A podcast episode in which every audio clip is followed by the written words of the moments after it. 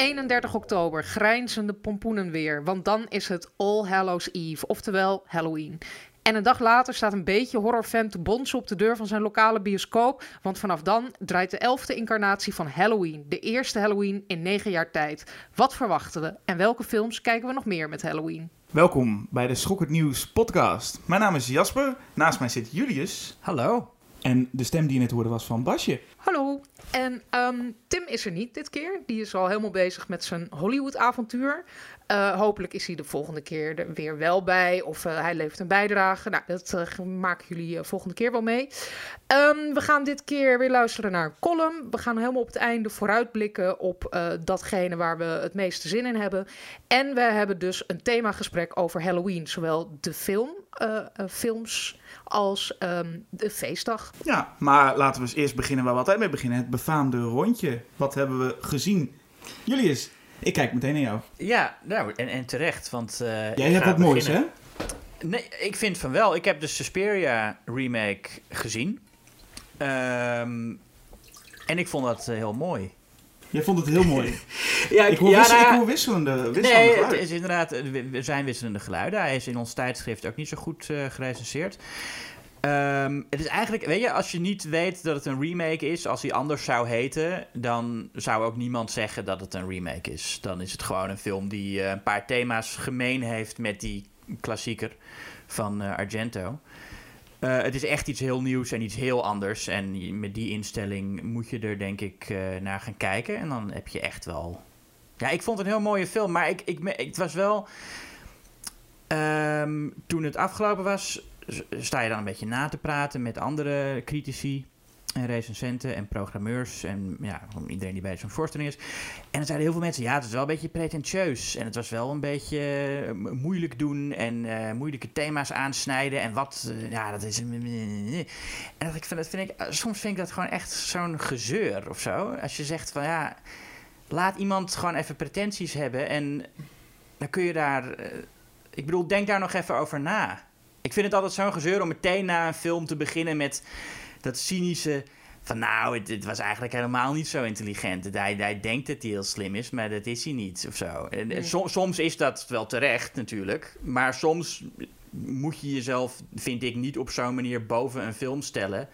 Alsof jij het allemaal wel weet en die film uh, moeilijk gaat zitten doen, weet je wel? Ja, want, maar het is wel zo wat je denkt vaak bij een remake van, dan wordt het Amerikaanse remake wordt het wat toegankelijker, iets meer mainstream. Maar dat is in dit geval nee, niet, niet het, zo, het is helemaal niet. Uh, nee, het is absoluut niet toegankelijk. Nee, en het is ook. Kijk, er zitten wel. Er zitten dingen in die ik, uh, uh, die, die, die ik minder goed vond werken. Die wel wat meer de traditionele, zeg maar, Conjuring-achtige horrormomenten zijn. Vooral tegen het einde krijg je er daar een paar van.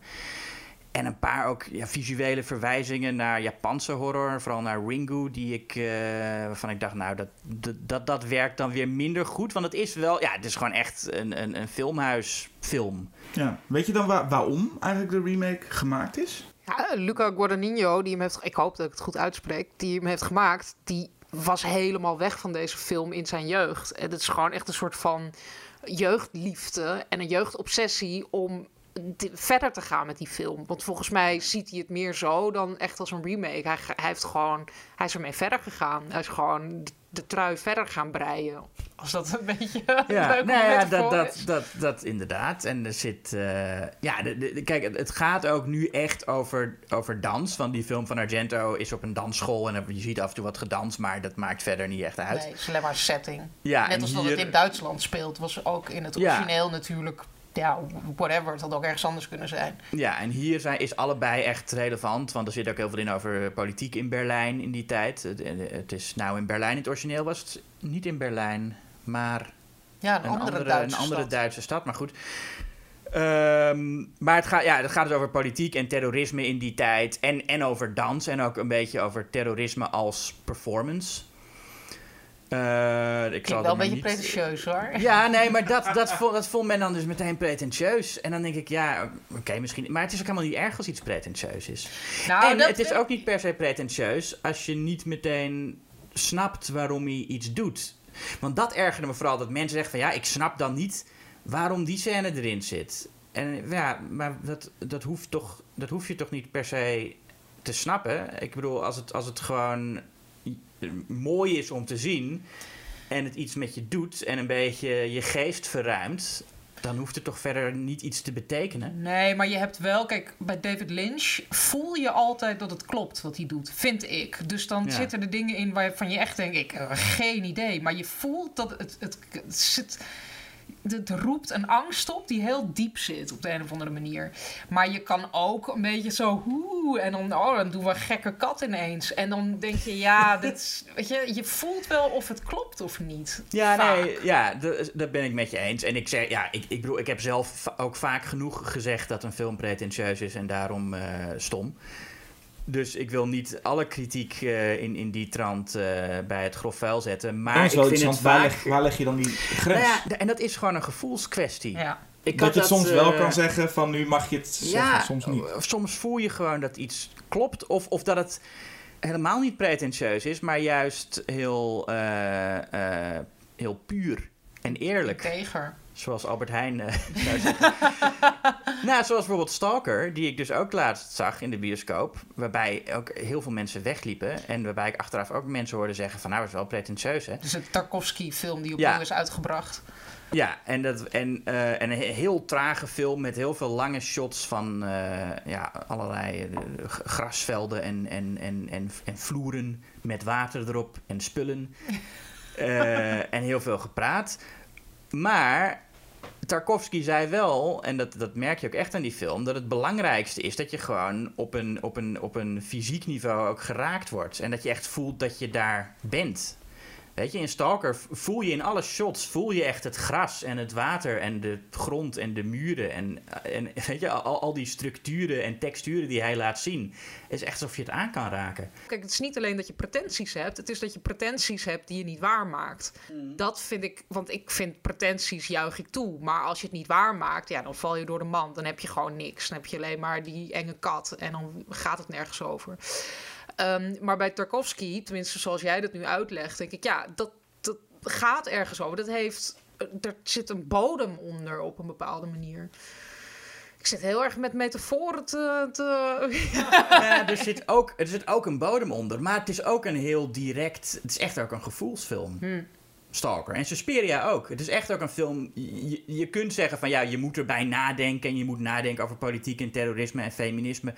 Maar je moet ook vooral er naartoe gaan en het gewoon ervaren als een eh, gevoelsfilm. Want het is ook echt een film die je op bepaalde momenten fysiek kunt ervaren. Hey Basje, wat heb jij eh, gezien? Nou, ik heb The Old Dark House gezien. En nu voel ik me een soort Julius, want die heeft het altijd over die film. De, de film van James Whale uit 1932, die gewoon rechtenvrij is en die je volgens mij helemaal legaal op YouTube kan kijken. In zijn geheel. Dus dat is eh, alvast een aanrader voor de donkere dagen die nog gaan komen. En dat is een hele fijne horror comedie of een soort lichtvoetig horrorverhaal. Heel, heel klassiek dus, zoals je zou verwachten. Ehm, het gaat over ehm, een eh, gezelschap in de auto. Dus een echtpaar en een, en een vriend van ze, volgens mij. Het werd me niet helemaal duidelijk in het begin. Soms ook een beetje alsof het een man die ze zomaar opgepikt hebben. Ja, lijkt het een beetje op. Driehoeksverhouding. Ehm, en die komen dan in slecht weer en die gaan dan in Wales, speelt het, op het platteland. eh, vinden ze die Old Dark House waar ze dan aankloppen van mogen we hier schuilen voor het slechte weer. En natuurlijk is daar, gebeuren daar allemaal enge dingen. Eh, daar wonen een broer en zus en een butler gespeeld door Boris Karloff. En dan komen er nog meer mensen ook aan, ook om te schuilen voor het slechte weer. En dan gebeurt er natuurlijk van alles en daar zal ik verder niks over verklappen. En het nou ja, soort bovennatuurlijk sfeertje eh, hangt er. En dan denk je, wat is, wat is er aan de hand? Dus dat, dat, daar kik ik altijd wel op. Dat je denkt van, wat is het? En dan gaat ook mijn verbeelding alle kanten op. Terwijl je weet van, nou, het zal toch wel niet heel weird zijn. Maar in mijn hoofd is het dan echt meteen, weet je, Rosemary's Baby, dat niveau-achtige... En dat stelt dan ook altijd een beetje teleur als je, als je erachter komt hoe het dan in elkaar steekt. Maar het is een hele fijne film. En er zitten. Je hebt in het begin, als ze net aankomen, heb je een scène dat die, die zus die daar woont, die gaat dan met die, die chique vrouw. eh, die gaat Gespeeld door, door Gloria Stewart van hè, de Titanic oude vrouw. Is dat zo? Dat is de oude vrouw die, Oh, dat, die dat diamant in de, in de zee gooit in Oh. Titanic. Die vrouw, ja. Ja, nou ja, dat had ik niet, die had ik niet herkend.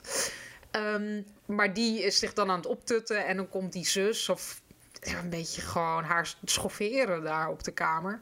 En dat vind ik een hele sterke scène met van die vertekenende spiegels en zo. Allemaal heel klassiek en haar raam dat open gaat en dan komt die wind binnen. Nee, dat is oeh, wind, eng. Nee, dat, dat is gewoon heel effectief gedaan. Ik vond het ook heel knap dat die, die zus eigenlijk een heel erg een typetje is die heel grappig is, maar soms ook best wel eng, iets ja. creepies heeft. Heel Ja. knap gedaan hoe precies op die grens zit. Ja. Wat vond jij, Julius? Want het is echt je lievelingsfilm aller tijden. Laten we nou, eerlijk zijn. Het Nee, er altijd ik- Oh, over. elke keer. Blijkbaar heb ik het altijd over die film. Dat wist ik helemaal niet. Maar eh, nee, ja, ik hou erg van James Whale. eh, die ook de, de eerste twee eh, Frankenstein-films met eh, Boris Karloff heeft gemaakt. Ja, hij is volgens mij een beetje de eerste camp horrorfilmmaker. Hmm.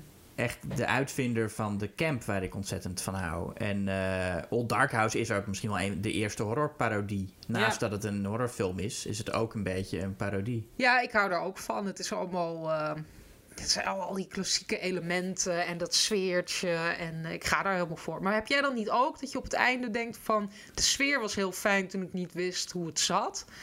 En als dan de, de cat out of the bag is, dan denk ik.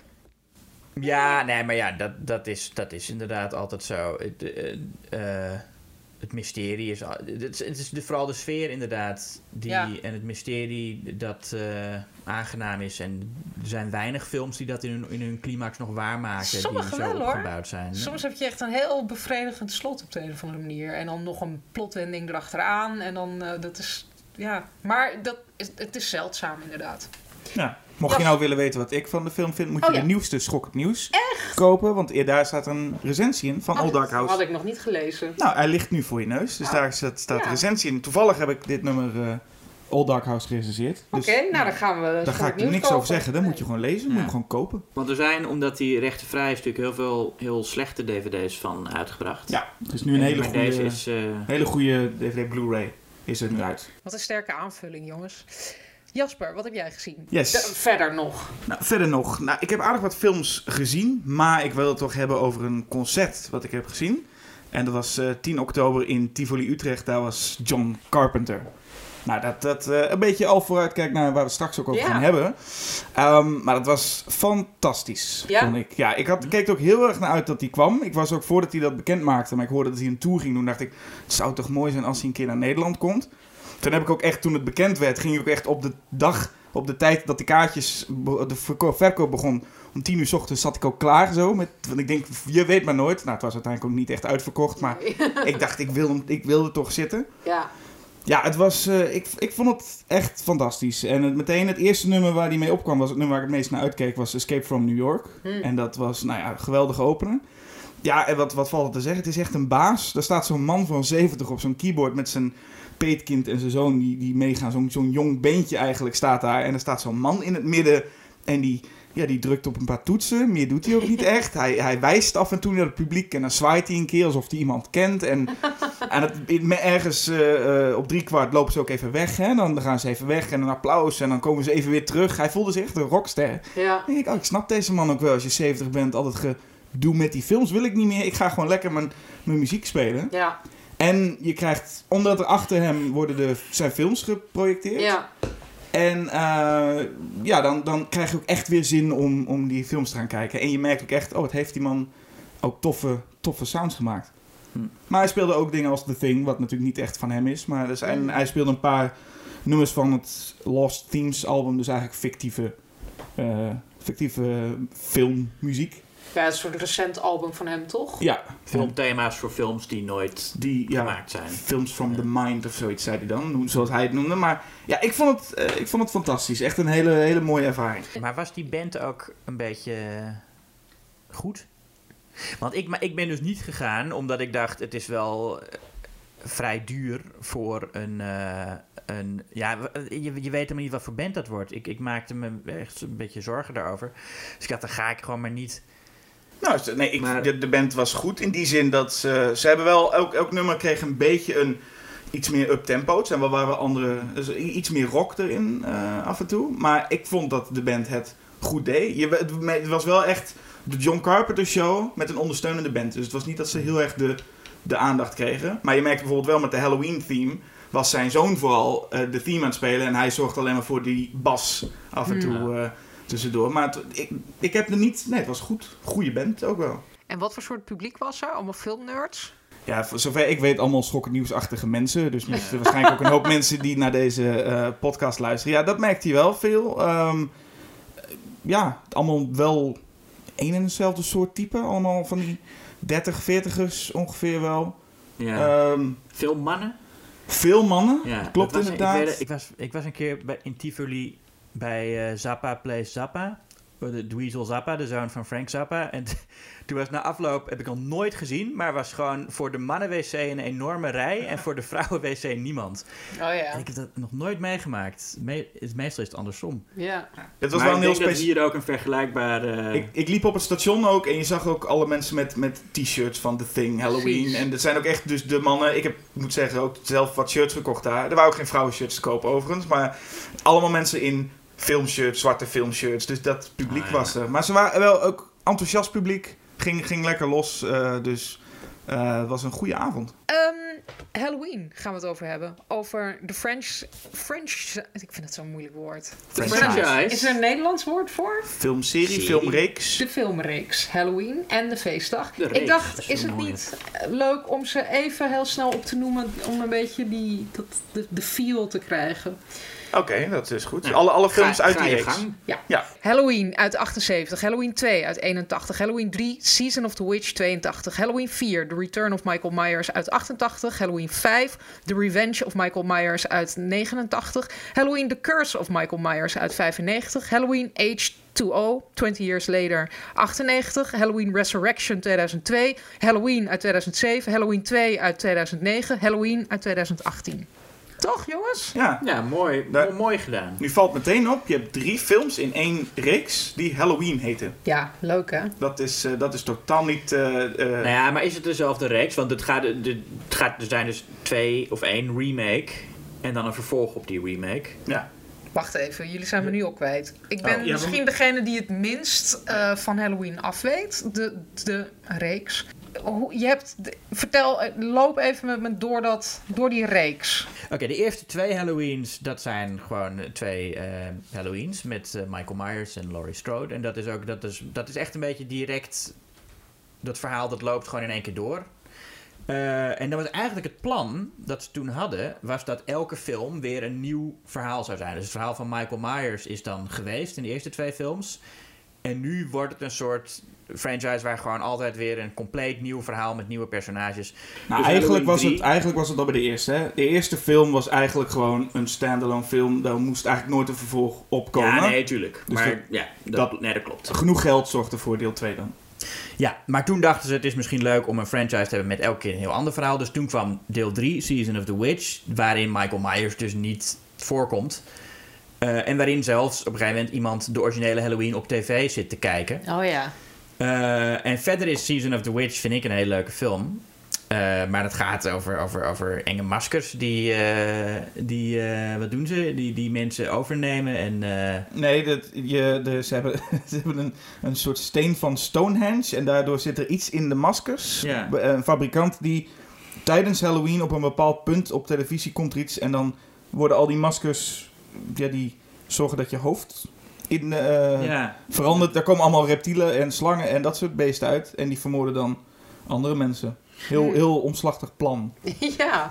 Maar goed, maar dat vond iedereen stom, omdat Michael Myers er niet in zat. En wij willen Michael Myers gezeik. En, nou ja, maar, en toen kreeg je dus The deel, Return. deel 4, The Return. En daarna dan The Revenge. Dat, eh, ik had nooit zo gerealiseerd dat dat... eh, Je krijgt The Return, daarna The Revenge en daarna The Curse. Ja. Het is eigenlijk een, een, En- bijna een, een trilogie. Die drie, die drie Ja. films hebben ook echt hebben ook heel veel met elkaar gemeen. Dus het is een En- beetje een losse trilogie, kun je Ja. erop zien. Ja, het is ook gek, want eh 2 en 3 zijn in Romeinse cijfers geschreven. En 4 en 5 is dan weer Ja. in... eh, Ja. En toen, en toen haalden ze de, de, cijfers helemaal weg vanaf deel 6.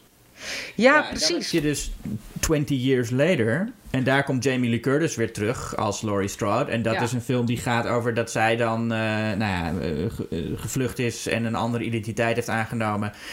En dat was een beetje bedoeld als een soort definitieve afronding. Want die film eindigt er ook mee dat ze Michael Myers zijn kop eraf hakt. Dan zou je zeggen, definitiever kan, een, kan iemand niet doodgaan dan een onthoofding. Maar in de, in de volgende film blijkt dan dat dat eigenlijk helemaal niet Michael Myers was, maar iemand anders die dat masker droeg. Ja, dat Flauw. heel flauw. Heel Ja. flauw. En om het nog iets ingewikkelder te maken is, eigenlijk wilden ze, dus dat is deel 7, die met de e- enorme belachelijke titel Halloween H2O 20 Years Later, zo heet die Ja. film ook gewoon. Ja. Maar die negeert eigenlijk 4, 5 en 6 weer. En, Oh ja. en 3, maar 3 negeert iedereen. Nee, dus, dus dat is alleen 1 en 2. toen was het even, we hebben 1, 2 en toen kwam deel 7. Maar daar werd weer een vervolg op gemaakt, inderdaad, want het was niet definitief. En dat werd deel 8. Resurrection. Ja, en daarin wordt eh, Laurie Strode dan weer vermoord door Michael Myers. Oh, dus ja. ook weer een soort van, nu is het definitief afgelopen. En nou, al die films hadden iets met, we willen definitief Ja. eh, een einde eraan maken. Ja. Maar toch ook niet. Maar toch ook weer niet, nee. Nee, ja, de volgende die dacht dan weer nee joh. Want toen kwam Rob Zombie. Ja, en dat, dat is de remake. Ja. Toen kwam Rob Zombie inderdaad. En Rob Zombie wilde... Die wilde het ook heruitvinden. Want ik weet nog dat ik... Ik zag een keer een promo voor die film... waarin Rob Zombie zo'n actiepop van Michael Myers pakte. En zei, hier, dit, dit, de- de- deze onzin, daar wilde ik een einde aan maken. En eh, daarom had hij dus een heel, volgens hem dan een heel harde, realistische Ja, film. waarin, ja, waarin Michael Myers weer eng gemaakt werd. En waar iedereen het inmiddels wel over eens is, eh, volgens mij, is dat eh, hij juist het tegenovergestelde deed. Door Michael een heel achtergrondverhaal te geven. En als klein jongetje. En dan ook heel clichématig van zijn vader was een alcoholist en zijn moeder was een stripper. En daarom is hij een, een, een, een psychopaat. Want ja, als je vader alcoholist is en je moeder stripper, dan, dan, dan, dan, dan moet dat wel. Maar wat je ziet in beide films, Halloween 1 en Halloween 2, Rob Zombie maakt überhaupt een film met alleen maar rednecks, klootzakken, hillbillies die de hele dag alleen maar fuck zeggen en, en zuipen. Dus eigenlijk geen enkel, er zit geen enkel sympathiek. Eigenlijk is Michael Myers misschien nog het meest sympathieke personage in zijn films. Ja, maar ja, dan kom je dus bij Halloween 2 van Rob Zombie. En dat is de beste Halloween sinds het eerste deel. Vindt Julius. En ja, Dat, is, dat is naast All Dark House, een film waar Julius niet over kan ophouden, is Halloween 2. uit nou, 2009. niet over kan ophouden. Ja, ja, ja. Oké, vooruit. Dat, dat zeg jij. Volgens mij heb jij het er vaker over hoe vaak ik het over die film heb dan dat Omdat ik jij het het er over zo die vaak film over hebt. Oké. Nou ja, want, nee, want het, het interessante is, er wordt nou eh, in die, over die nieuwe, dat, die aankomende Halloween dus, wat een vervolg is die de hele serie negeert en gewoon weer een direct vervolg op het eerste deel is. Ehm, zegt, eh, eh, wordt heel vaak benadrukt in alle promotie dat het heel erg gaat over het trauma van Laurie Strode.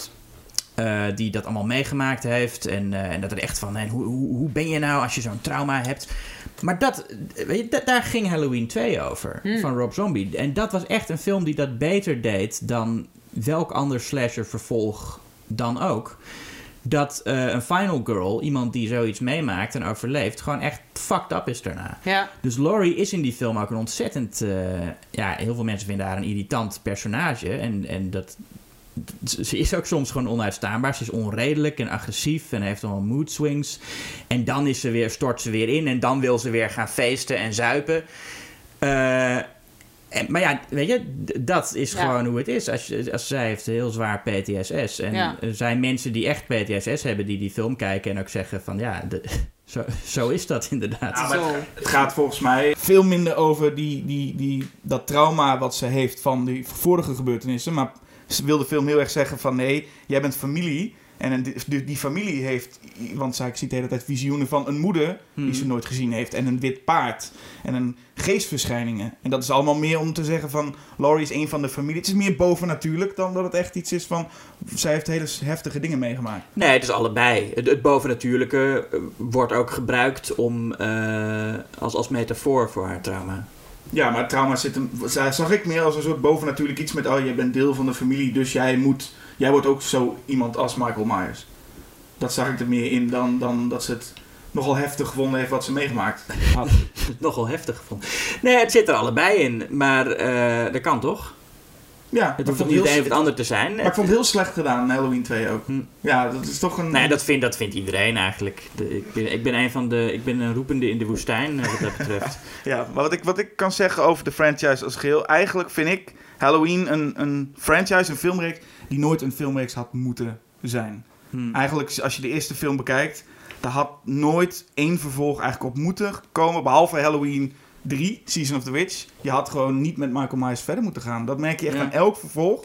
Michael Myers is nou net dat Want- ene personage... waar je niet mee door moest gaan. Nee, want is, hij- werkt hij niet als een soort van het, het monster, zeg ik maar even. Hij werkt als, eh, en dat wordt ook in de eerste film heel erg, hij, je weet niks van hem. De eerste, de eerste film, hij is er. Hij, als jongetje moordt hij zijn zus. We weten niet waarom, we weten niet wat. Zijn psychiater, eh, eh, Donald Pleasant speelt zijn Mhm. psychiater, heeft hem ook opgegeven. Nou, dan, dat zegt ook wat. Die zegt ook gewoon, want als je psychiater tegen je, eh, over jou zegt, hij is gewoon puur kwaad en hij moet opgesloten blijven, nou dan is er wel iets mis. Ja. Verder weet je niks. En hij is een, eh, een, een, een gedaante. We zien is het zijn, zijn, zijn ogen. Je ziet niks aan hem.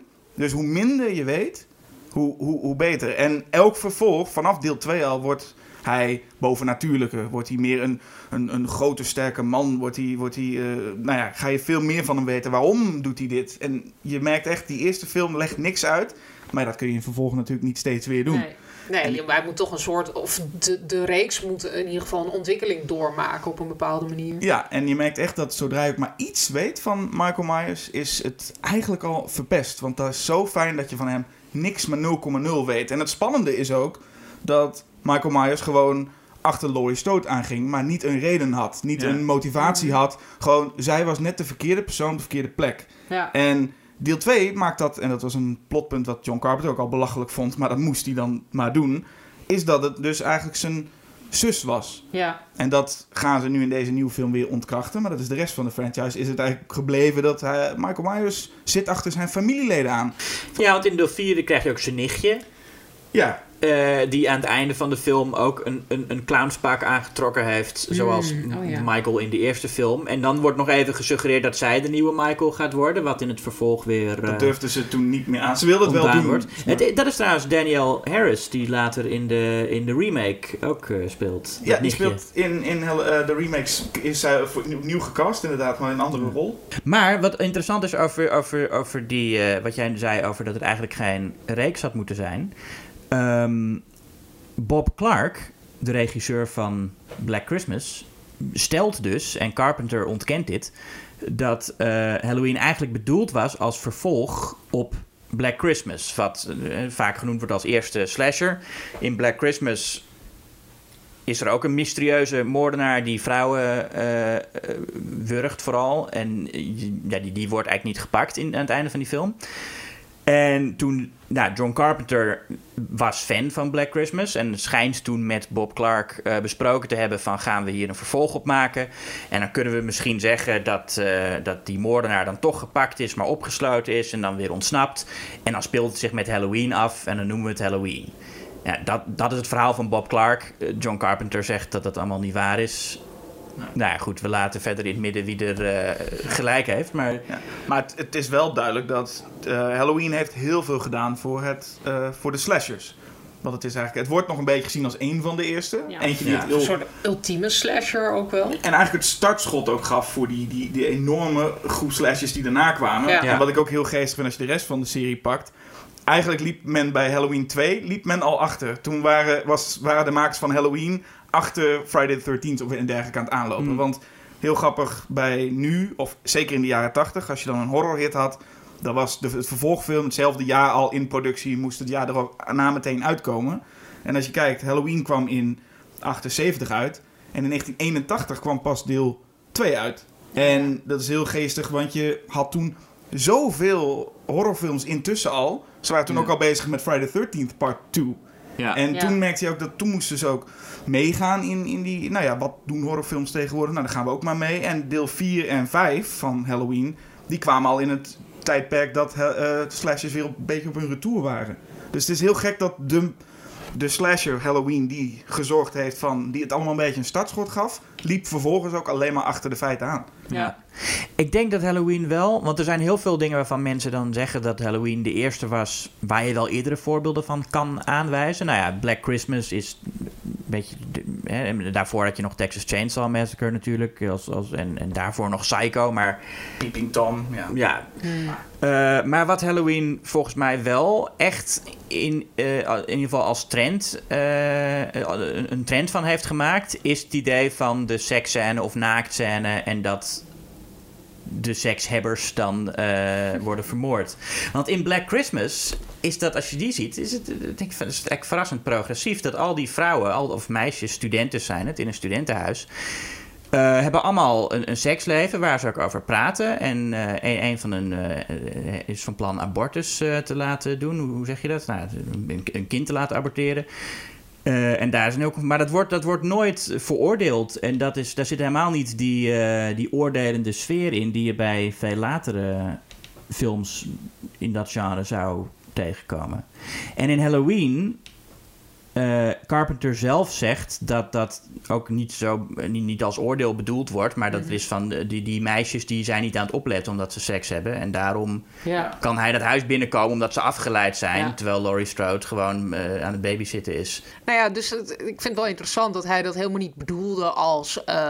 nou, het brave meisje mag blijven leven... en de minder brave meisjes moeten afgemaakt worden. Maar dat, dat andere filmmakers dat dus wel zo interpreteerden... of dat interessant vonden en daarmee aan de loop zijn gegaan. Ja, het is een cliché geworden en er zijn volgens mij bijna geen uitzonderingen. Nee. Hoewel in de eerste Friday the 13th is de final girl eh, eh, bloot volgens mij ook. En doet ook mee aan een spelletje strip Monopoly. Wat? Weet je dat niet meer? ja, dat is, eh, ik- van... In de vervolgfilms, wat je in Halloween 2 al zag, heb je ook het gevoel, daar moest ook gewoon seks in. Want het publiek wat erop Mm. afkwam, wilde ook gewoon dat zien. En het is zo geforceerd in deel 2, want dan gaan namelijk meteen alle verplegers en verpleegsters die in het ziekenhuis werken, gaan daar gewoon een kamertje. Verder eh, willen ze graag seks hebben. ja, wat misschien ook wel vaak de reden is dat mensen die seks hebben in dat soort films altijd vermoord worden, is dat dat. Dan heb je een, een, weet je, een, een, een actrice die je als final girl wil. Dan moet je een wat classier actrice hebben die misschien niet bereid is een naaktscène te doen in zo'n film. Terwijl een, denk ik dan. Ik vind het is ook Nee, gewoon bedoel, een niet- makkelijk, eh, makkelijk scenario schrijven. Denk. Je hebt dan inderdaad ook... Je, je wil die seksscène erin en... Ja, ik, ik zit even te denken hoe dat dan in zijn werk gaat.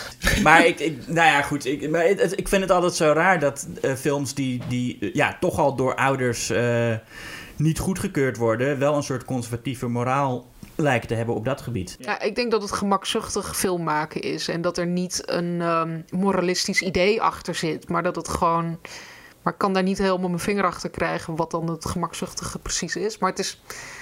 Denk ik, eh, ja, je zet een paar waarden tegenover elkaar. Een meisje dat braaf is, een meisjes die losbandig zijn. Dat is, daar, dat, dat, eh, dan krijg je een dynamisch script. Daar kan je, daar kan je scènes uit, eh, uit spinnen, zeg maar. Op een gegeven moment is die formule er ook gewoon en gebruiken mensen die zonder er echt bij na te denken. Ja, want dit ik. is echt een regel geworden natuurlijk. Ja. En wat ook opvalt is in de latere vervolgen van Halloween zie je dat er ook een bitchy personage bij komt. Waarbij we ineens gaan, hè, wat, wat veel, veel eh, film horrorliefhebbers doen, gaan juichen voor de moordenaar. Van oh, dat is zo'n Hmm. eikel, maak hem af. Oh, dat is zo'n Ja. trut, maak hem af. En in de eerste Halloween heb je eigenlijk te maken met nog vrij eh, sympathieke figuren. Maar dat is later natuurlijk ook geïntroduceerd. Eigenlijk vanaf deel 2 ook al kwam het een beetje bij.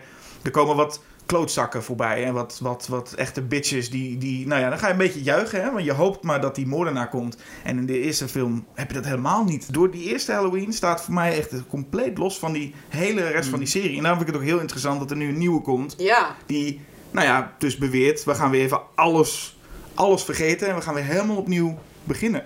Want hoe 40 zit, jaar later. hoe zit het ook weer? Eh, in welke zit Jamie Lee Curtis dan precies van, eh, uit de Hij reeks? zit in 1 en 2. Mhm. Haar stem is te horen in deel 3, maar dat is, een, eh, dat is ja, ver- verwaarloosbaar. Dat is gewoon echt, ja precies, dat is een cameo. En dan komt zij terug in H2O, H2O, 20 ja. years later. Waarin ze dus inderdaad definitief eigenlijk Michael zou verslaan. Eh, alleen in, in die film bracht zoveel geld op dat ze dachten, we maken nog een film. En dan wordt ze in het begin van Resurrection eigenlijk voorgoed om zeep geholpen. Ja. En dat is een, eh, nou ja, dat was ook wel de doodsteek van. Maar Jamie Lee Curtis wilde volgens mij ook zelf niet meer verder. Die had ook zoiets van, nou, ik doe dit nog even. Ja, Maar was het ook klaar? Ze hadden misschien daarna nog moeten zeggen van... En, ja, en dan doen we, maken we nog een deel. En dan was het toch niet eh, Laurie Strode, maar iemand die, eh, die, die een masker op had... die Michael daar heeft doodgestoken. Ja, precies. En, dat, en het is ook heel grappig wat je ziet aan het personage van eh, Jamie. Want Jamie Lee Curtis wordt ook een beetje genoemd als nou, een van de beste Final Girls. Maar ook als heldin. En als je de eerste twee films ziet, de eerste twee Halloweens, is ze absoluut geen heldin. Sterker nog, ze, doet, ze, ze rent en schreeuwt en jammert alleen maar. Het is Donald Pleasence. Ze doet niks. Ze heeft geen moment dat ze ook maar iets... Ja, het enige wat ze doet is in deel 2 heeft ze, kan ze ineens wonderbaarlijk goed schieten door Michael Myers 2. Ze doet die Maar dat is kleerhanger in zijn oog. Ze doet die kleerhanger in zijn oog. Maar dat is ook gewoon de casting en het spel van Jamie Lee Curtis. Want zij heeft gewoon die uitstraling heel erg. Van eh, iemand die, ja, met wie je meeleeft. Dus in dat opzicht een held is. Niet omdat ze allemaal dingen kan, maar... eh, En je merkt, maar je merkt wel dat ze heel. Ze, ze, ze, ze wordt echt gered door Donald Pleasance. Ja, En, ze is, is, en, je, en als je de andere slashes van die tijd bekijkt, zijn het allemaal heel veel dames die op een of andere manier terugvechten of iets, iets dergelijks. Maar dat is dus hetzelfde met wat we net allemaal noemen. Halloween was gewoon een prototype. En daar kwamen dingen in voor die nog niet helemaal tot wasdom waren gekomen. Of eh, die John Carpenter misschien niet eens zo had bedoeld. En die later wel, waar wel iets uit gehaald is. Dus ik denk echt dat die aanwezigheid van specifiek Jamie Lee Curtis... die, die echt een goede uitstraling had voor die rol... dat ze daar vervolgens mee verder zijn gegaan. Van, oh ja, een interessante, stoere eh, final girl. Ziet ook wat er met haar personage gebeurt, is dat ze dus in die. eh, in, die in H2O kwam ze terug. Daar is ze voor de helft heel angstig, heel bang. Ze heeft ook een soort van posttraumatische stressstoornis, omdat ze de hele tijd droomt over Michael. Maar halverwege de film slaat ze om en dan gaat ze hem te lijf, wordt ze ineens heel stoer. En als je de trailers kijkt van deze nieuwe Halloween, is ze eigenlijk vanaf eh, moment 1 is een soort Sarah Connor uit de Terminator geworden. Ze is echt ze eh. wil echt zo, ze wil gewoon dat hij, ze wil gewoon dat hij ontsnapt. En in H2O zegt ze nog, ik hoop maar niet dat hij ontsnapt. Dus ze maken haar personage nu ook, nou ja, extra lagen met stoer. Ze wil nu gewoon, hè, kom maar op. Ja. Maar ik wil even de originele eh Laurie verdedigen. Want zij is heel adequaat bezig. Ze, ze is die, die, die kinderen houdt ze altijd veilig. Ze is heel goed bezig met de kinderen. Als Michael eraan komt, zorgt ze altijd dat die veilig zijn. En je hebt die beroemde scène waar ze in de kleerkast verstopt zit. En, en dan, eh, nou, wat ik net zei, steekt ze een kleerhanger in zijn oog en valt ze hem aan. Dus ze doet echt wel wat. Ze doet Maar wel iets. Ik kijk- zeg ook niet dat een in en in slecht mens is. Dat ze de kinderen, kinderen voor Michael gooit en zegt, pak die maar, ik ren weg. Ja, maar je moet, het maar, je, moet je moet het maar wel kunnen, weet je wel, in zo'n situatie. Eh, Maar tot, alsnog is het merendeel wat ze doet is En natuurlijk, wegrennen. is niet en- voorbereid. Kijk, Donald Pleasance, die rijdt met een pistool daarna... en die, die is van plan om als een soort... Die wil eigen rechter spelen en gewoon Michael Myers doodschieten. Die, zijn hele plan is, hij verstopt zich achter een bosje met een pistool... en gaat Ja. die gast gewoon doodschieten. Wat... eh, ja, nou oké, dat, of, of dat zijn plan is, eh, is- maar dat is ook een, een, een rare man.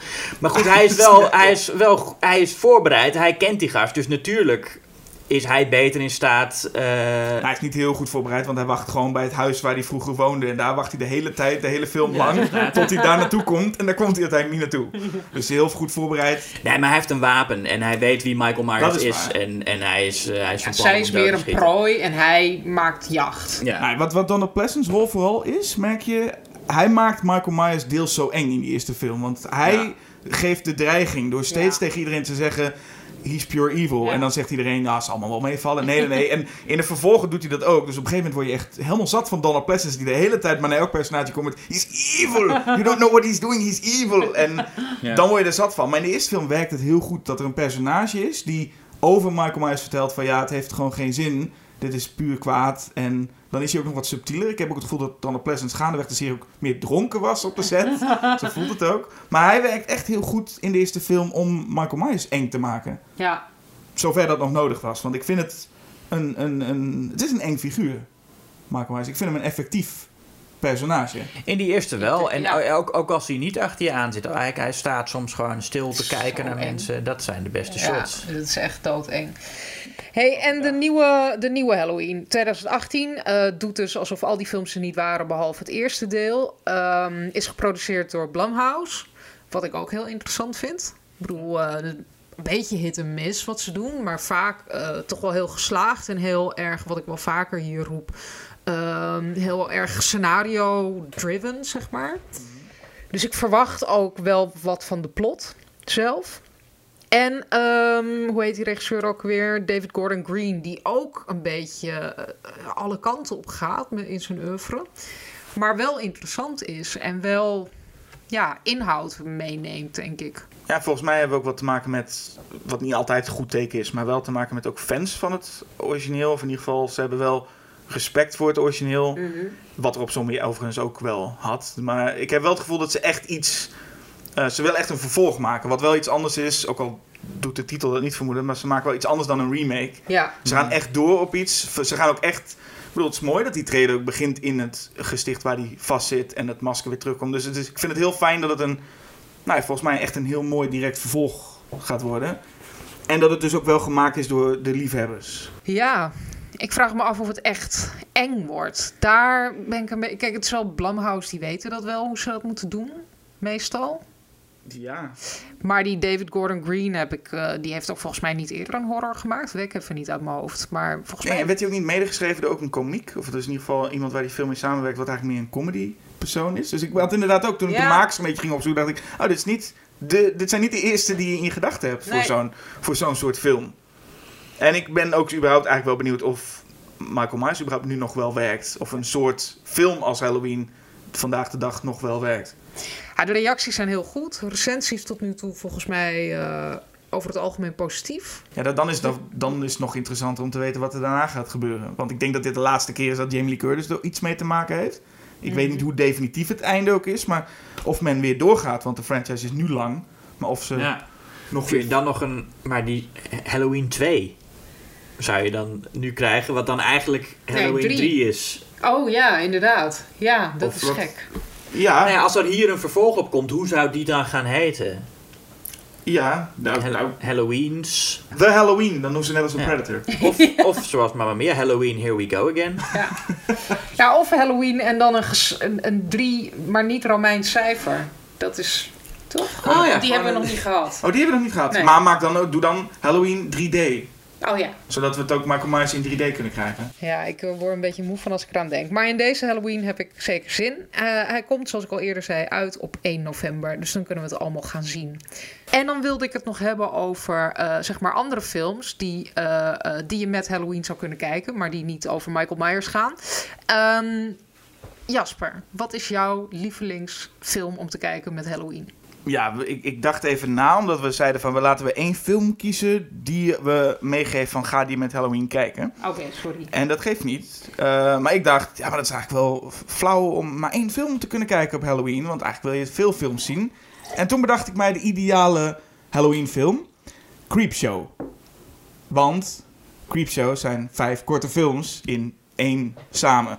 Ge- geregisseerd door George A. Romero en geschreven door Stephen King. En Creepshow bevat volgens mij alles wat je ongeveer wil. En misschien nog wel meer. Want het is ook iets heel raars eigenlijk. En dat vond ik, het is een hele fijne film. Ik weet niet, wie van jullie, hebben jullie hem allebei gezien? Nee, ik heb hem niet gezien. Ik heb hem ook nog niet gezien, maar ik kijk er wel naar uit. Ik, ik, wil, ik wil hem wel deze Halloween eh, kijken. Zou ik me wel doen. Maar het is Ja. echt, het is, eh, nou, je krijgt de, de meest bijzondere dingen. Je krijgt Stephen King in een rol wat echt gewoon heel, heel slecht is. En daarom heel leuk. Stephen King acteert. Vol, hij vond het zelf ook verschrikkelijk. Maar George. Romero zei, nee joh, is goed zo. Dus hoe die twee bevriend zijn gebleven, weet ik ook niet. Maar een heel leuk, gek verhaaltje. Eh, Leslie Nielsen in een, in een best wel hele goede rol. Waarbij je denkt aan Leslie Nielsen, denk je natuurlijk of aan hele slechte sci-fi of aan eh, eh, The Naked Gun. Maar hij speelt een hele, hele, hele toffe rol in, in waarschijnlijk wel het leukste hoofdstuk. En ja, het, gewoon in, in, het is gewoon fun. Het is echt alle. Het, het, het, is, is, het is eng, is het overigens trouwens niet echt. Het is echt een show ook, wat dat betreft misschien. Ja, het is, Ja, het is gebaseerd op de EC comics, toch? Ik meen ook dat er veel strip-achtige eh, dingen in, Ja. in die film zitten. Er zitten hele leuke visuele Ja. trucjes in. En het is inderdaad een soort strip. Waarbij eh, nou ja, ook getekende dingen in voorkomen. Maar ook hele grappige, gekke dingen met achtergronden. Zoals in een strip ook. Weet je, als iemand schrikt, dat ook de achtergrond ineens een felle kleur wordt. Ah, dat soort dingen gebeuren. Er komen zombies in voor. Er zit, zit wat, wat, wat drama soms in. Het is allemaal best wel knullig. Het is soms wel. Het is heel grappig. Het, het heeft eigenlijk gewoon alles. Dus stel dat je gewoon denkt: ik kan maar één, ik kan maar één film zien deze Halloween. Maar ik wil wel alles wat horrorfilms of, of, of dat soort eh, hebben, dan, dan heb je hier een hele goede aan. Dus ik zou die van harte aanraden om die gewoon te gaan kijken. Nou, ik zit een beetje in diezelfde categorie, inderdaad, met anthology films. Ja. Want je hebt er meer. Ja. Eh, je hebt natuurlijk de originele Tales from the Crypt, die ik er- erg leuk vind. En eh, er zijn in de jaren 70 en 80 heel veel, eh, ja, heel veel leuke. Met, eh, From Beyond the Grave met Peter Cushing als een antiekhandelaar met een winkeltje waar elk, elk, elk antiek stuk een spookverhaal heeft, weet je wel. Hoor je Peter Cushing een Cockney accent doen. Dat is erg leuk. Maar de, ja, een van de beste, dat is toch de eerste. volgens mij de eerste anthology film die ooit gemaakt is, Dead of Night. Uit welk jaar? Eh 45 als ik mij niet vergis. Misschien vergis ik me wel. ja. Dan is het 44. Oh. Maar jaren 40 in elk geval. Eh, een man gaat naar een huis en eh, een, een architect die daar advies moet geven en ontmoet daar een groep mensen. En hij is heel verbaasd, want die mensen die herkent hij uit een droom die hij heeft, een nachtmerrie. En eh, onder die mensen is een psychoanalyticus. En die zit de hele tijd van, nou, dat zal allemaal wel meevallen, want eh, het zit psychologisch zus en zo. Dus zo is dit, eh, deze hallucinatie eh, verklaarbaar. Maar al die andere mensen die zeggen toch van, nou, ik geloof wel dat er iets bovennatuurlijks bestaat, want mij is dit overkomen. En dan komen ze met hun verhalen. En dat zijn ook nou, heel afwisselende verhalen. Er zit, zoals in de meeste anthology films, ook één comedy verhaaltje tussen. Hm.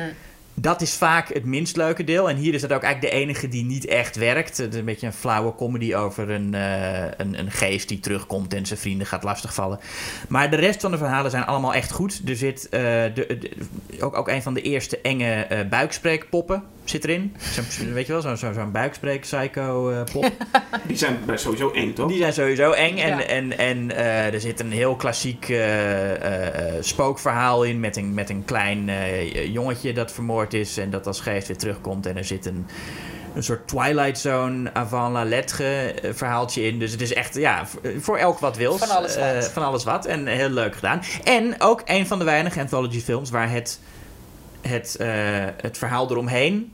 Zeg maar, het, het, het, hoe noem je dat? Bij een raamvertelling, het, Het kozijn, raam. zeg maar. ja. Eh, ook heel goed is. Hmm. Dus dat is ook echt een leuk verhaal. Oké, klinkt goed. Staat genoteerd. Ik heb iets heel anders. Ik heb eigenlijk iets wat ehm, niet heel gevarieerd is, maar steeds hetzelfde op een bepaalde manier. Want ik dacht, wat vind ik interessant aan Halloween is ook dat verkleedaspect. Dat eh, ook als je niet eh, verkleed. Ik vind dat heel interessant, ook van carnaval of zo. Niet het, het carnaval zoals dat nu gevierd wordt, maar wel dat idee dat je je op een bepaalde manier verkleedt om nog even te laten zien hoe je over eh, bepaalde zaken dacht uit het afgelopen jaar of politieke statements maakt. Dat is een beetje het carnaval van oudsher. En waarbij je dat ook op een soort groteske manier verbeeldt. Dat vind ik heel interessant. Dus ik dacht daar een beetje in die hoek. En verkleden en transformatie. En toen kwam ik uit bij Betty Boop. Oh, Betty Boep. Betty Boop. En eh, je denkt dan, oh ja, dat soort eh karikaturale eh, personage. Maar die filmpjes zijn echt best wel, tenminste niet alle filmpjes, maar de eerste filmpjes, dus dan echt uit vanaf de jaar, vanaf 1930 werden die filmpjes gemaakt. Animatiefilmpjes van Max Fleischer. Ehm, eh, en later werd het wat minder, maar in het begin was het echt best wel freaky en heel ja, een soort van ongebreidelde fantasie, maar echt bijna Lynchiaans weird ook. En eh, ja, echt creepy. Ehm, ja, Nou, ik wou zeggen, ik denk die met Cap Calloway als, Ja. het, eh, als, het, als het monster, die is echt eh, geweldig. Daar, daar, daar is ook echt gerotoscoopt. Want Cap Calloway die deed, die heeft een karakteristieke manier van dansen. En dat heeft hij toen gedaan voor hun. En dat hebben ze gerotoscoopt. En Ja. daar hebben ze dan dat, dat monster van overheen geanimeerd. Ik eh, moet zeggen dat het is heel lang geleden dat ik... eh, ik was op een gegeven moment heel erg into die Betty Boop filmpjes. Ik heb ook een paar Blu-rays liggen en dan keek ik er echt heel veel achter elkaar. En het is echt mesmerizing, zeg maar. Maar ik heb ze nu al heel lang niet meer gezien. Dus ik vond het ook wel... Daarom dacht ik, ah ja, die moet ik maar met Halloween weer eens gaan kijken. Maar er staan ook heel veel op YouTube. Ik heb een paar tips eh, voor jullie opgeschreven. Je hebt uit 31, dus een hele vroege... waarin Betty Boop er ook nog heel anders uitziet... Bimbo's Initiation. Want dat is dat vriendje van haar, zo'n soort hondachtige figuur.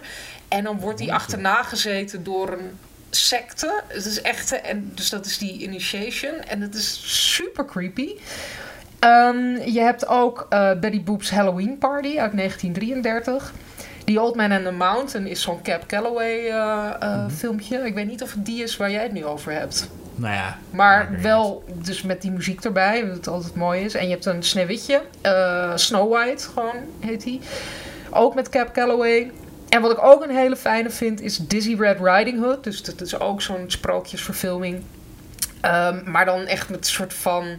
Ja, het is heel seksueel getint en zo. Het, is echt, het ligt er allemaal heel dik bovenop. Maar het is juist... eh, ja, het voelt niet als soort van grappig knipoog. Het is heel erg ja, aards en, en dierlijk. En het is heel eh, creepy en weird. En ehm, daarom de moeite waard natuurlijk. Ja. En wat je zegt, filmpjes, waar moet ik aan denken qua lengte? Wat, eh, wat zijn het voor... Zijn het korte filmpjes? Ja, echt allemaal? korte filmpjes. En hoe is het? Een paar minuten? Of... Ja, volgens mij. eh, Ja, wat was het ook weer? Er zijn een paar die zijn echt langer en die duren dan een kwartier. Maar de meeste zijn volgens mij tussen de drie en zes minuten, als ik het goed heb. Mhm.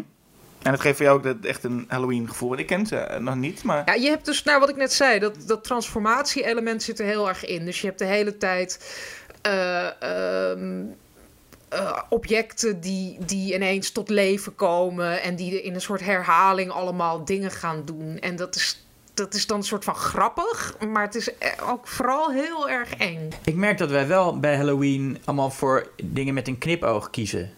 Ik ben Ja. dan misschien nog het minste, maar Dead of Night nou, hij heeft ook een comedyverhaal. En Creepshow heeft, heeft ook humor. En Betty Boop. Het zijn niet echt de heel serieuze, naargeestige horrorfilms die je met Halloween Ja, die bewaren wil voor kijken, kerst volgens mij. Ja. Nee, omdat Halloween ook een beetje het vieren van eh, het, Ja. het, het subversieve en het buitenmenselijke, of nou niet buitenmenselijk is raar gezegd, maar het, eh, weet je wel, eh, van het, van het andere is en van het, eh, Ja. de, de geesten en de monsters en de... Het is ook juist toch dat je Halloween, het is wat je zegt, het is een beetje de kerst voor nou, andere, het is een beetje de kerst voor de horrorliefhebbers of de, uh, het, het heeft iets gezelligs ook in plaats van dat je echt zegt we gaan nu de engste film uitzoeken, maar we gaan, je gaat het liefst, het is, het is meer fun ook. Ja, en het is ook niet iets wat je in je eentje zit te doen. Je bent toch wel met mensen. Je gaat naar met z'n allen verkleden of met z'n allen een film. Je gaat toch? Of gaan we allemaal in Ja. ons eentje zo thuis bij die boep kijken? Misschien wel, ja. Nou ja, wie weet. Of met een vriendin. Of met... Ja, of met ja ik weet niet. Ik, ik was wel... Ik was, vorig jaar was ik bij een, eh, een café in de buurt. En er was toen een Halloweenfeest. Maar dat was echt een Halloweenfeest zoals je het in een film zou verwachten. Want mensen waren gewoon verkleed als Dracula en Frankenstein en een heks. Maar dan echt met zo'n puntmuts. ja. Niet zo'n sexy heks of zo. Maar ik dacht echt van, hè? Ik dacht dat iedereen tegenwoordig als, als Trump naar een Halloweenfeest. Maar dat was gewoon echt heel klassiek. Vampiers en, en, en, en zombies en zo. Ik vond dat zo fijn om te zien. Nou ja, dat vond ik, daar was ik heel blij mee. Want ik vind het ook altijd een beetje onzin als mensen zich als Halloween gaan verkleden als iets dat niks met monsters te maken heeft. ja, maar dat is wel heel gangbaar natuurlijk. Ja, het is, heel, het is normaal, maar ik ben er eigenlijk op tegen. Ja, oké. dat is Je het moet echt mensen dat is laten het statement schrikken. dat ik wil Ja. maken. Nee, je hoeft niet mensen te laten schrikken, maar je moet wel een beetje iets engs doen met Halloween. Als, als je verkleed gaat, op zijn minst vampiertandjes erbij. Oké, of op zijn minst vampier. Een beetje eng met een knipoog en als je thuis blijft ga je een film kijken met een beetje knipoog. Ja. Dat is wat we hier zeggen. Laten we luisteren naar de column van Erik.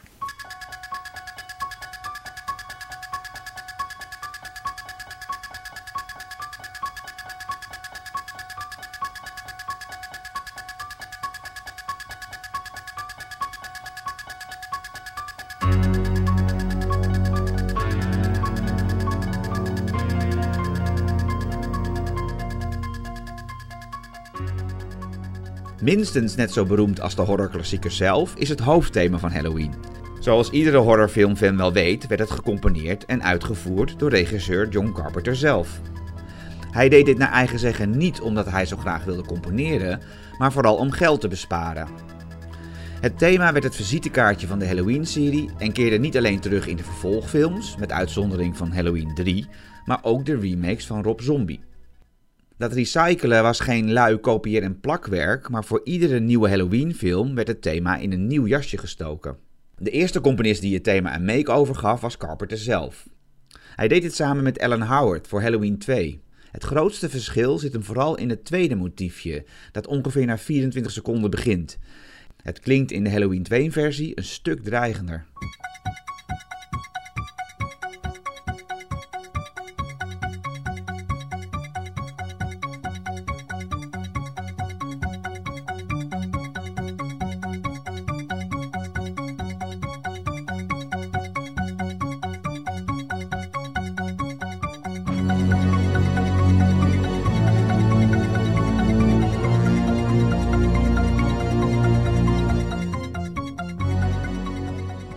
Carpenter en Howard werkten ook samen aan de soundtrack van Halloween 3. Maar omdat de film verder niet over Michael Myers gaat en überhaupt geen raakvlakken heeft met de eerste twee films, componeerden ze voor Halloween 3 een compleet nieuw thema. Na Halloween 3 nam Howard het stokje volledig over van Carpenter en componeerde hij de muziek voor 4, 5 en 6. Hoewel Howard voortbeduurde op de stijl en thema's van Carpenter, zijpelde er per film steeds meer van zijn eigen stijl door. Zo gebruikte hij in de versie van het thema voor The Curse of Michael Myers elektrische gitaar.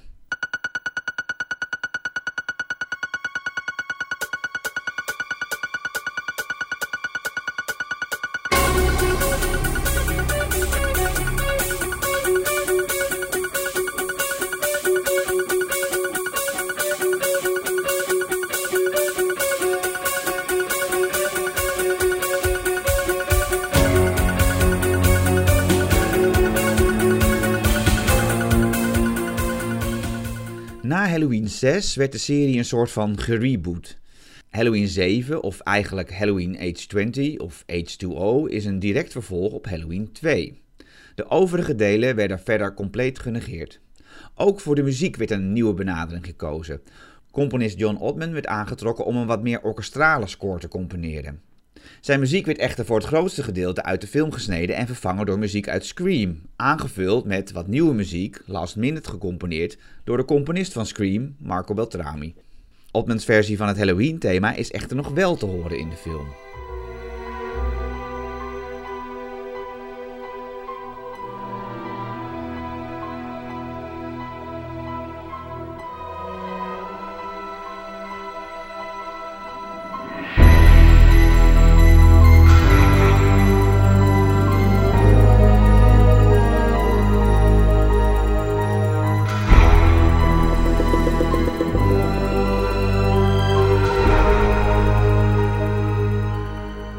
Componist Danny Lux keerde voor het vervolg op Age 20, Halloween Resurrection, terug naar de basis en gebruikte voornamelijk weer synths en piano.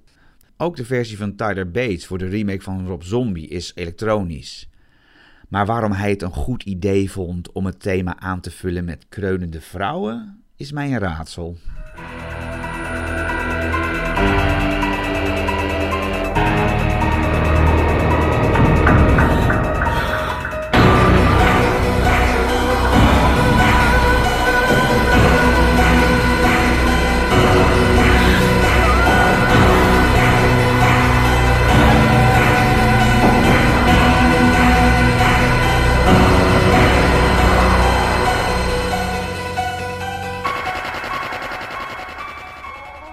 De nieuwste variatie op het thema is van de meester zelf. John Carpenter keerde voor de nieuwe Halloween-film, wat een direct vervolg is op de allereerste Halloween-film, terug als componist en schreef samen met zijn zoon Cody en peterkind Daniel Davis de muziek. Hoewel het ritme en de motiefjes nog steeds hetzelfde zijn, verschillen de originele versie en deze nieuwe moderne versie als dag en nacht.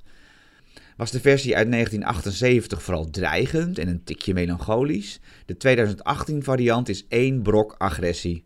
Het is alsof de opgekropte woede over al die slechte vervolgen op zijn meesterwerk er nu in één keer uitkomt. Carpenter is back and he is angry.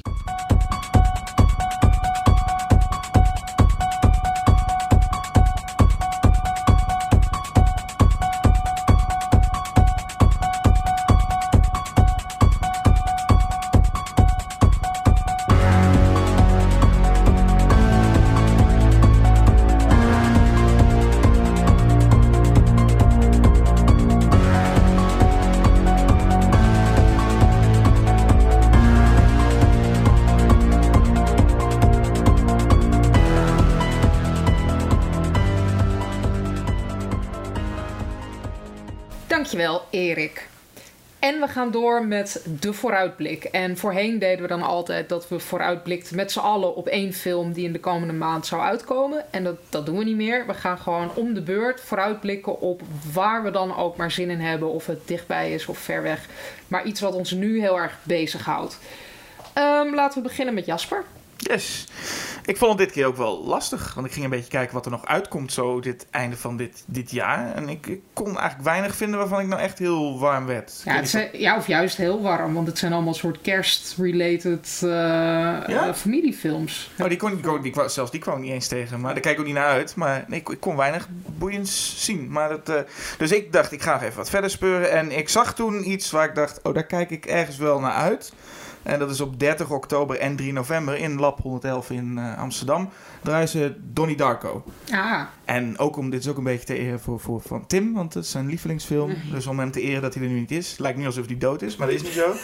maar ehm, eh, ik heb die film, dus Donnie Darko, helemaal in het begin ooit gezien. Toen vond ik hem geweldig en ik heb hem daarna nooit meer gezien. En ik hoor best wel wat mensen om me heen die zeggen... Ja, als je nu nog een keer gaat kijken, het is, hij is wel een beetje of gedateerd... of hij is wel heel erg jaren 90 hoor ik ook wanneer wel. kwam die ook weer uit? Het is 2001 geloof ik. Was Ja. die. Maar ik was toen heel erg onder de indruk.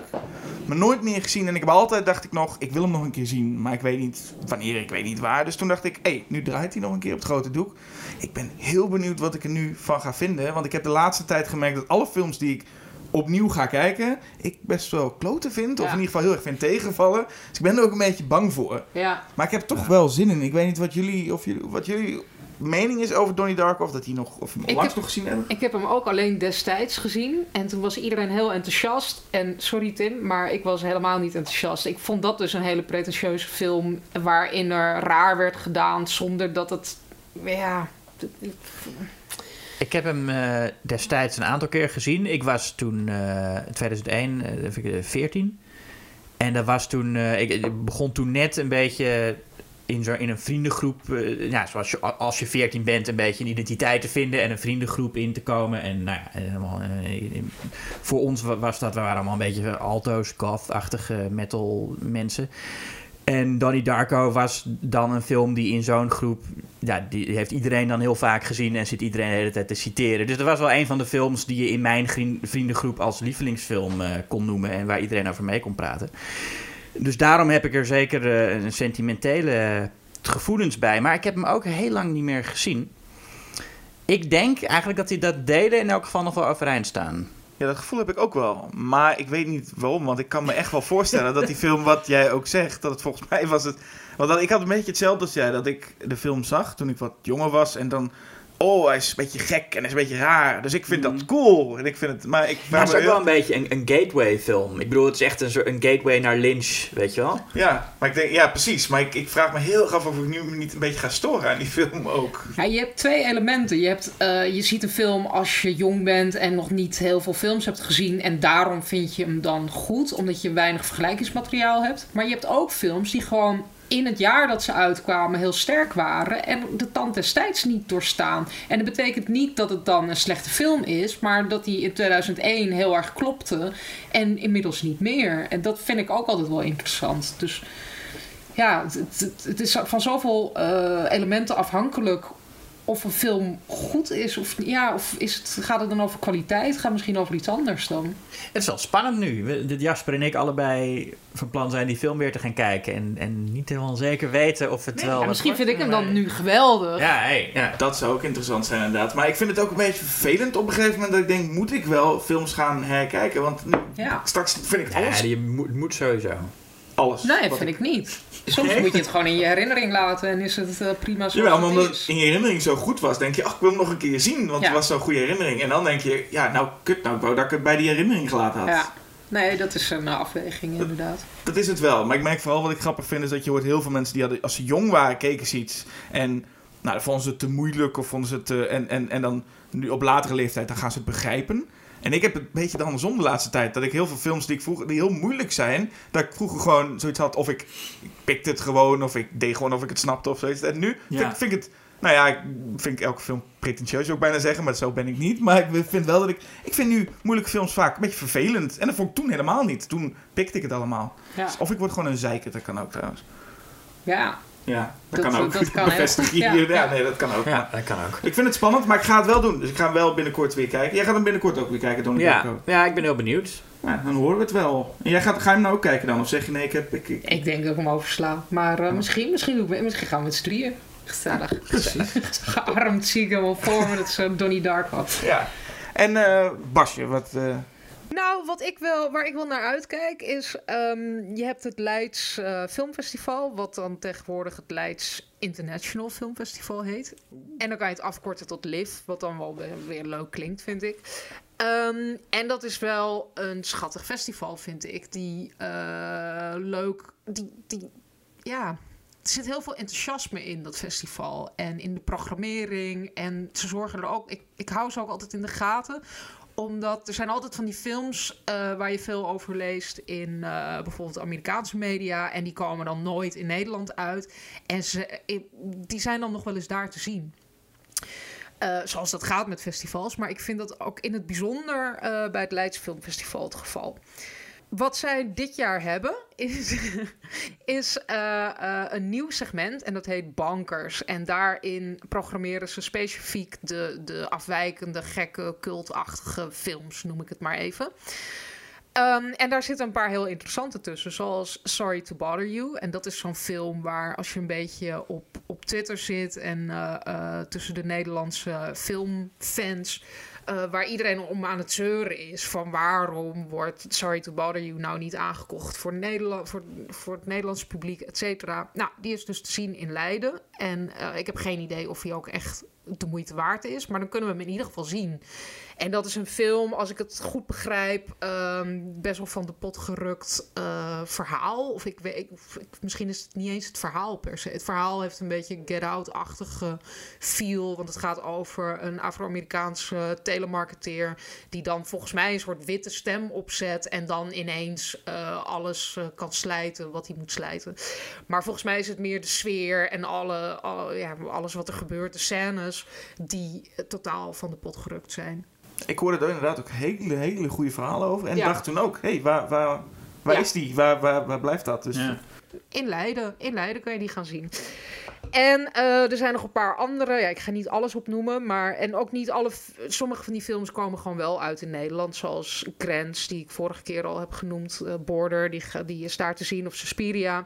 Maar ook The Green Fog. Ik heb geen idee wat het tenminste, ik heb er niet eerder over gelezen, maar dat is dan een soort essay-achtige film over San Francisco dat een soort alternatieve Vertigo oplevert. Nou, dan, dan heb je hem al. Uh, film, essay, Vertigo, dat wil ik zien. Um, en uh, wat is er nog meer te zien? Een of andere stop-motion film die zich afspeelt in koloniaal Afrika. This Magnificent Cake heet die. Klinkt ook heel fascinerend. Uh, de film die uh, de Midnight Madness in, op het filmfestival van Toronto heeft gewonnen, die heet The Man, That Man Who Feels No Pain. Ja, een rare titel eigenlijk. Maar daar ben ik dan ook wel benieuwd naar. En nog een film die heet Anna and the Apocalypse. En dat is een soort zombie high school musical. Wat? Ja, dat wil je zien. zombie high school musical? Ja. Nou ja, en zo zijn er nog veel meer films. En, uh, en ook de gewone programmering van Liv vind ik interessant. Dus ik ga weer naar Leiden, denk ik. Dat uh, klinkt veelbelovend. Ja. Uh, en het is, uh, zal ik er ook meteen bij zeggen, het speelt zich af 2 tot en met 11 november. En dat bonkers ook, dat is eigenlijk een heel, ja. ook door gedurende het hele festival. Ja, ja, ja. Leuk. Ja? Ja, toch? Ja. ja. Gaan we er ook gearmd naartoe? Gaan we ook naartoe, ja, klinkt goed. Nou, Julius, waar gaan we nog meer naartoe? Uh, nou ja, ik weet niet of jullie er naartoe gaan. Ja, dat tenminste, nu. Nou, ik weet, ik weet wel dat, al die uh, dingen toe. Dus. ik weet wel dat als hij in Nederland uitkomt, dat Basje in elk geval er naartoe gaat. Aha. Uh, want daar is een film die is in Amerika is er een release in december pas gepland, dus dat duurt nog wel even. Maar de trailer zag ik deze maand, dus ik dacht, nou dan, dan doe ik dat wel. en dat is Holmes en Watson. Met Will Ferrell als Holmes en John C. Reilly als Watson. een comedy, een spoof een Holmes spoof, denk ik. Met, uh, ja, hij is van. Het enige waar ik me dan een beetje zorgen over maak is dat hij, hij is geregisseerd door Ethan Cohen. Niet van de Cohen Brothers, maar dat is, e dat is, ja, dat is Ethan Cohen en dit is e e ja, Ethan, schrijf je. Ik weet Ethan Koen. Ja, Cohen is oh, het. sorry. Ja. Goed, maar die heeft verder alleen maar uh, Get Hard geregisseerd. Uh, met Will Ferrell en Kevin Hart. Wat uh, ja, niet zo'n geweldige film is. Um, en ik vond de trailer ook behoorlijk slecht gemonteerd. Ik heb in die trailer niet echt gelachen. Dus, maar dat heeft in trailers van comedies heel vaak met gewoon de editing te maken. Um, ik heb wel heel hard gelachen bij die trailer. ja? ja? Ik vond hem echt heel erg leuk. Ik heb ook al een paar keer gekeken. Nou, hij heeft, hij heeft in ieder geval niet mijn zin. Hij heeft wel mij echt nog meer zin gegeven in die film. Um, omdat ik, ja, maar het is vooral ook de cast. Ik bedoel, je hebt, ja, oké, okay, je hebt John C. Reilly als Watson, uh, uh, Will Ferrell als Holmes. Dan heb je um, Lauren Lapkus zit erin. Een van mijn favorieten. Weet niet wie dat is. Nou ja, heel, heel grappig uh, comedienne Oké. uit Amerika. Ehm, maar ook heel veel goede Britten. Rob Brydon als Lestrade is perfecte casting. Hugh Laurie als Mycroft. Ray Fiennes als eh, Moriarty, geloof ik. Ja. Eh, maar ja, ja, ik bedoel, zo'n cast, ik heb er dan alsnog wel eh, goede hoop in en vertrouwen in. En, ik, en natuurlijk omdat ik ja, eh, Holmes-fan ben. En ook, er is ook wel rond Halloween leuk. Als het, wat, als het wat donkerder wordt, krijg ik ook altijd zin om die oude Holmes-verhalen te lezen. Ja. Ja, ik hou dus zelf, ik hou heel erg van Sherlock Holmes, maar ik hou ook in het bijzonder van, van die Sherlock Holmes spoofs. En daar werden er vroeger best wel wat van gemaakt. En eh, tegenwoordig helemaal niet meer. Dus ik ben Ja. heel blij dat dat weer, dat dat weer gebeurt. Gewoon. Ik, ik, word, ik weet niet wat het is. Maar het leent zich ook zo, de goed, zo goed ervoor. Sowieso, Sherlock Holmes leent zich heel goed voor. Steeds weer een nieuwe interpretatie. Net weer iets anders. Of juist Ja. heel klassiek. En dus ook zo'n spoof leent zich... Dat, dat, dat, dat werkt gewoon goed. Weet je, je hebt al die klassieke gegevens. Gewoon de straat waar hij woont. En eh, zijn nemesis en zijn broer en et cetera. En dat, dat kan je dus al... Daar kan je mee spelen. Daar kan je... Ja, daar kan je wat mee. En heb je enig idee wat deze dan anders gaat doen dan de nee, ja, gewoon de, de, dat, dat Will Ferrell sausje eroverheen, zeg maar. Dat, dat die bepaald soort, dat die humor, eh, die Amerikaanse humor, die, die gaat er gewoon eh, heel, heel dik bovenop zitten. En dat, dat, dat is wel echt anders dan die vorige spoofs, ja. Ja, want om de, ja, omdat, ik hoor jou dus zeggen dat de regisseur doet het niet echt. De trailer liet je niet lachen. Dus waarom kijk je nog, behalve dan de cast? Nee, nee, ja, ik, ik geloof in Will Ferrell en John C. Reilly. Dat duo, eh, in, in Step Brothers waren ze ook samen. En dat is een van de grappigste films van, eh, de, de- van, van De wereld. de van wereld. Gewoon alle, ja, alle tijden. Eh, maar, maar nou goed, maar die is natuurlijk, dat, daar zit ook wel meer in dat daaraan meewerkt. Ehm, hoe, die is van, eh, hoe heet die? Adam, eh, nou, hoe heet die nou? Die nu al die Oscar-films maakt waarin Steve Carell dan niet grappige rollen gaat spelen. dat, dat onzin Niet. Adam McKay. Ja, Ja, Adam, ja, Adam McKay is het, ja. Die maakt nou, die heeft die, doet die eh, Vice over Dick Cheney, waarin Christian Oh, ja. Bale zich weer helemaal eh, heeft moeten transformeren. En, Oh ja, want Christian Bale is weer dik geworden en dan krijgt hij een Oscar. Ja, en, en hij had ook, eh, hoe heet die film, eh, The Big Short gemaakt. eh, met, eh, nou, ik vind, eh, ik, ik, ik zeur altijd een beetje als, als komieken dan opeens dramatische rollen gaan spelen en dan voor Oscars genomineerd worden, zoals Steve Carell. Dan denk ik van, ja, maar dit, hij, ten eerste, je verspilt je tijd, want het is veel leuker als je gewoon grappig bent. En ten tweede, je had ook voor een Oscar genomineerd moeten worden toen Oh, je nog toen je grappig was. was, ja. Dit, dit is, ja, maar, maar goed. Eh, nee, maar ik, ik vertrouw op John C. Reilly en Will Ferrell als, eh, eh, als Holmes en Watson. Ik denk dat dat genoeg is om mij op zijn minst zes keer hard te laten lachen. En volgens Mark Kermode is als je zes keer lacht een comedy al geslaagd. Oh, grappig. Dus dat, eh, Ik ga sturven bij, als ik een comedy kijk. Maar wat, hoe, wat, wat is lachen? Is dat ook nog even een beetje... Nee, ha- ja, nee Hard, hard op lachen. ja, van grinniken tot, tot eh, schateren. Dat, ja. Grinniken tot. Oké, ik ga er ook eens op letten. Ja. Dat, dat is een goeie. Nou, ik moest bij de trailer dus al zes keer hard lachen. En het grappige is ook, dat het zijn echt grappen dat als je het zou lezen, dan zou je denken, nee joh, dit is helemaal, dit is niet leuk. Gewoon zo, zo de koningin op de bek slaan, weet je, dat soort dingen. Ja, het Sorry. is toch wel grappig. Nou, ik heb ook al één keer. Maar in die trailer, omdat zij gewoon zo grappig zijn en dat zo goed doen, dan, dan werkt het. En dan moet ik gewoon heel hard lachen, terwijl het een hele flauwe grap is, maakt niet uit. Dus jij zou ook zeggen dat, dat het, je hebt ook vooral vertrouwen in hen, de acteurs. Ja. Nou ja, en eh, gewoon, de, de- ja. ja. Oké. Nou, daar kijken we ook naar uit. Duurt nog even. Of eh, komt misschien wel nooit in Nederland uit. Of eh, alleen op het Leids Filmfestival. Dat gaan we allemaal meemaken in de toekomst. Ehm, en waar we ook naar uitkijken is 29 november. Dan is er weer een nieuwe aflevering online. Momenteel kunnen jullie ook luisteren naar eh, de nieuwe aflevering van Julius versus Jasper. Wat, wat eh, staat er ook weer tegenover elkaar? Wat er dit, eh, Ja. even kijken, komt nu eh, Invasion of the Body Snatchers komt eraan. Oh, dat komt eraan. Die komt er nog aan. Dus Ja, alvast een Twee versies van, ja, die dus eh, eh, 65, nee, 56 en eh Ja, 78. Ja. Ja, En, maar die er nu staat, Ja. dat is Evil Dead 2 Oh ja. versus Brain Dead. Die is al eventjes eh, te, te beluisteren, inderdaad. Ja. Ja, en waar ik, dat moet ik nog even zeggen. Die wilde nog Oh ja, ik wilde wil nog iets Ja. rechtzetten. Want na het begin van die film zei ik dat er nauwelijks eh, goede horrorcomedies zijn. En toen vergat ik de hele aflevering eh, te, te zeggen dat een van mijn favoriete films Shaun of the Dead is. Ja, dat is heel dom. Ja, maar gek hè dat je dat dan. Maar dat is zoiets dat ik dan, omdat die film zo eh, op een, een andere positie inneemt, dat ik hem dan gewoon vergeet. Ja, Weet je wel? Dat is nee, dat snap ik wel. Maar bij deze recht bij gezet. deze rechtgezet. ja, we hebben het gehad over Old Dark House, Halloween 2. Dus ja, jou, jou, eh, jouw avond is weer goed, hè? Ja. Ja, en er is ook een nieuw eh, Schokkend Nieuws magazine uit. Ik heb het dus nog helemaal niet opengeslagen. Dat eh, merkte je wel, want ik wist niet dat Jasper eh die Old Dark House had gerecenseerd. Eh, in het blad vind je ook alweer Suspiria en Halloween. En er is een soort psychedelische special. Wat eh, kan jij er iets over vertellen, Jasper? Het is een drugsspecial. Oeh. Dat, dat kan ik erover vertellen. Drugs in films. Drugs en film. Ja, George, George Vermeij heeft een eh, best wel eh, compleet essay geschreven over de rol van drugs in Amerikaanse films. Met name Amerikaanse films, van, gewoon van, van stil tot, eh, tot nu. Klinkt Ja. goed. Ik ga hem uh, openslaan. Ik wist er echt heel weinig van. En ik, ik, ik was verbaasd dat er zoveel Ja. over te vertellen überhaupt is. Dus heel interessant. Tof.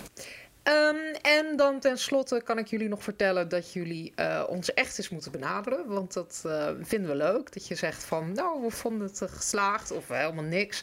Dat kan namelijk via Twitter, via Facebook, Instagram of... eh, en dat zijn allemaal uitingen van Schokkend Nieuws eh, als soort platform, zeg maar. Maar we hebben ook ons eigen e-mailadres. Dat dan weer wel. podcast.schokkendnieuws.nl Laat het weten. En tot de volgende keer. Ja, tot de volgende keer. Doei! Doeg!